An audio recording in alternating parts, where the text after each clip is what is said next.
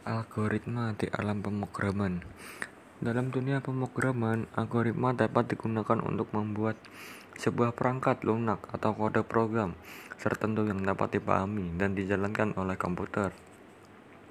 Umumnya penerapan algoritma menggunakan beberapa jenis bahasa pemrograman seperti Java, C, C++, C C PHP, dan C Basic.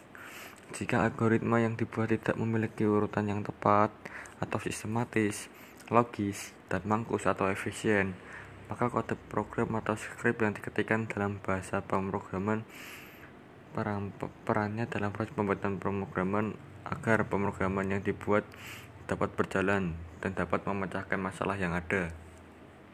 Diagram alir atau flow chart. Adalah diagram yang berisikan simbol-simbol khusus dan digunakan untuk menjelaskan tahapan-tahapan atau langkah-langkah